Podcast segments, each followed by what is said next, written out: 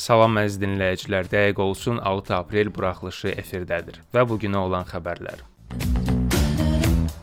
Kağız pul dövrü bitir. Çin rəqəmsal yuanı yaradır. Yahoo Answers istifadəsini tamamilə dayandırır. 90-ların məşhur filmi geri qayıdır. Google-un 8 milyard dollarlıq qələbəsi. İndi isə keçək təfərrüatlara.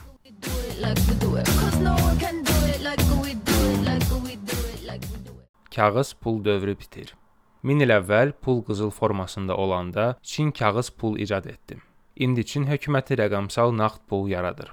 Rəqəmsal yuan Pekinə insanların xərclərini real vaxtda izləmə imkanı verir. Həmçinin yeni yuanlar Çinin kapitalını dolların üstünlük təşkil etdiyi qlobal maliyyə sistemindən ayırır. ABŞ-da Apple Pay və Çində WeChat kimi kredit kartları və ödəmə tətbiq etmələri kağız pul ehtiyacını aradan qaldırdığı üçün pulun artıq virtual imiş kimi görünə bilər. Ancaq bunlar sadəcə pulu elektron şəkildə köçürməyin yollarıdır.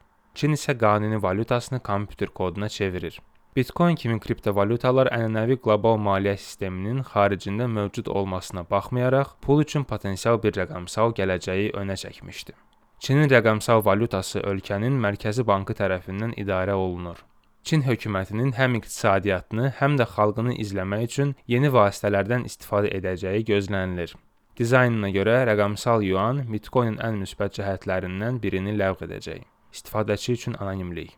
Pekin eyni zamanda rəqəmsal yuanı beynəlxalq istifadə üçün hazırlayır və yeni valyutasını ABŞ dollarının hakimlik etdiyi qlobal maliyyə sistemindən ayrı tutmağa çalışır. Yeni kapitalın qəbulunu asanlaşdırmaq üçün Çin ödənişsiz pul lotereyaları keçirdi. Bu lotereyalarda 750 min nəfər pul qazandı. Hal-hazırda tətbiqin internet bağlantısı olmadan işləməsinə imkan verən bir metod üzərində işlənilir. Tezliklə Çin hər kəsin rəqəmsal valyutadan istifadə etməsini tələb edəcək. Kağız pul etibarsız olacaq. Yahoo Answers istifadəsini dayandırır.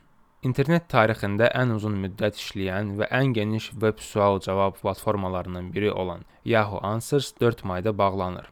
Bu tarixdən sonra Yahoo Answers veb-saytı Yahoo ana səhifəsinə yönləndirilməyə başlayacaq və platformanın bütün arxivləri silinəcək. Platforma 2005-ci ildən fəaliyyət göstərir. 2017-ci ildə Yahoo Verizon Media Group şirkətinə 5 milyard dollara satılmışdı. Xəbər Yahoo cavablar ana səhifəsinin yuxarı hissəsində elan edilib. 20 aprel tarixindən etibarən platforma artıq yeni suallar qəbul etməyəcək. İstifadəçilər 30 iyun tarixinə qədər məlumatlarını əldə edə bilərlər. Bu tarixdən sonra heç bir informasiya əlçatan olmayacaq. Yahoo sual-cavab siyahıları hər hansı bir şəkil daxil olmaqla istifadəçi tərəfindən yaradılan bütün məzmunu bərpa edəcək. Lakin digər istifadəçilərin məzmununu, suallarını və ya cavablarını yükləyə bilməyəcəksiniz. Yahoo aktiv üzvlərinə göndərdiyi bir qeyddə platformanı niyə bağladığını da izah edir. Onlar səbəb kimi saytın illər keçdikcə daha çox istifadəçi itirməsini və şirkətin resurslarını başqa sahələrə yönəltmək istədiklərini deyiblər. İstifadəçilərin həm sual, həm də cavab verə bildiyi platforma illərdir dezinformasiya məsələlərinə görə tənqidlər alırdı. İstifadəçilərin Siri, Google Assistant kimi səsli suallar verə bildikləri platformalar populyarlaşdıqca, veb-sayt öz aktuallığını daha da itirdi. 90-ların məşhur filmi geri qayıdır. 1996-cı ildən bəri spacejam.com internetin zaman kapsulalarından biridir. İlkin World Wide Web-in parlaq nümunəsi olan sayt GIF-lər və Windows 95 ekran qoruyucuları kimi o dövrdə mövcud olan ən inkişaf etmiş multimedia təkliflərini istifadəçiyə çatdırırdı. 25 il sonra Space Jam nəhayət yenilənir. Saytın URL-indən LeBron James-in rol aldığı yeni Space Jam: A New Legacy filminin ilk treylerini nümayiş etdirmək üçün istifadə edilib. Space Jam-in ilk filminin veb-saytı hələ də əlçatandır. Yeni veb-saytda sağ üst küncdə Original Space Jam loqosu yenidən orijinala dönməyə imkan verir. Yeni film 16 iyulda kinoteatrlarda və HBO Max-da eyni vaxtda nümayiş etdiriləcək. Orijinal filmdə baş roldakı Michael Jordanın yerini isə LeBron James alacaq. Filmdə məşhur basketbolçudan əlavə Jim Carrey, Zendaya, Don Cheadle kimi məşhur aktyorlar da var. Google-un 8 milyard dollarlıq qələbəsi. ABŞ-ın Ali Məhkəməsində Google-un Android əməliyyat sistemindəki kopyalanan kod üzərində 10 illik mübarizə sona çatdı. Digər bir texnoloji nəhəngi olan Oracle 2010-cu ildə Google-un müəllif hüquqlarını pozduğuna görə məhkəməyə vermişdi.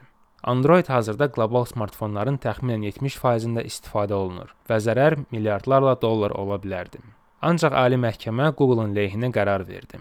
Araşdırılan əsas məsələ Google-un istifadə etdiyi Oracle-ın Java API kodlarının ABŞ müəllif hüquqları qanunlarına əsasən hər kəsin istifadəsinə açıq olub-olmaması idi.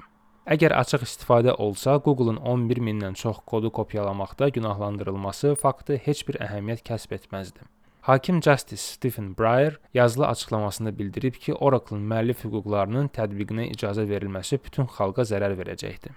Oracle-ın bu kodlarından o qədər çox proqramçı istifadə edir ki, belə bir məhdudiyyət yeni proqramların yaradılmasını geniş həcmdə məhdudlaşdıracaq. Bu halda bütün qüvvə Oracle-ın əlində olacaqdı. Oracle məhkəmənin qərarı ilə qətiyyən razılaşmadığını, qərarın Google-un gücünü daha da artıraraq digər şirkətlərin rəqabət qabiliyyətini zədələdiyini açıqladı. Google isə qələbəni bütün kodlaşdırma dünyasının qələbəsi kimi qəbul etdiyini dedi.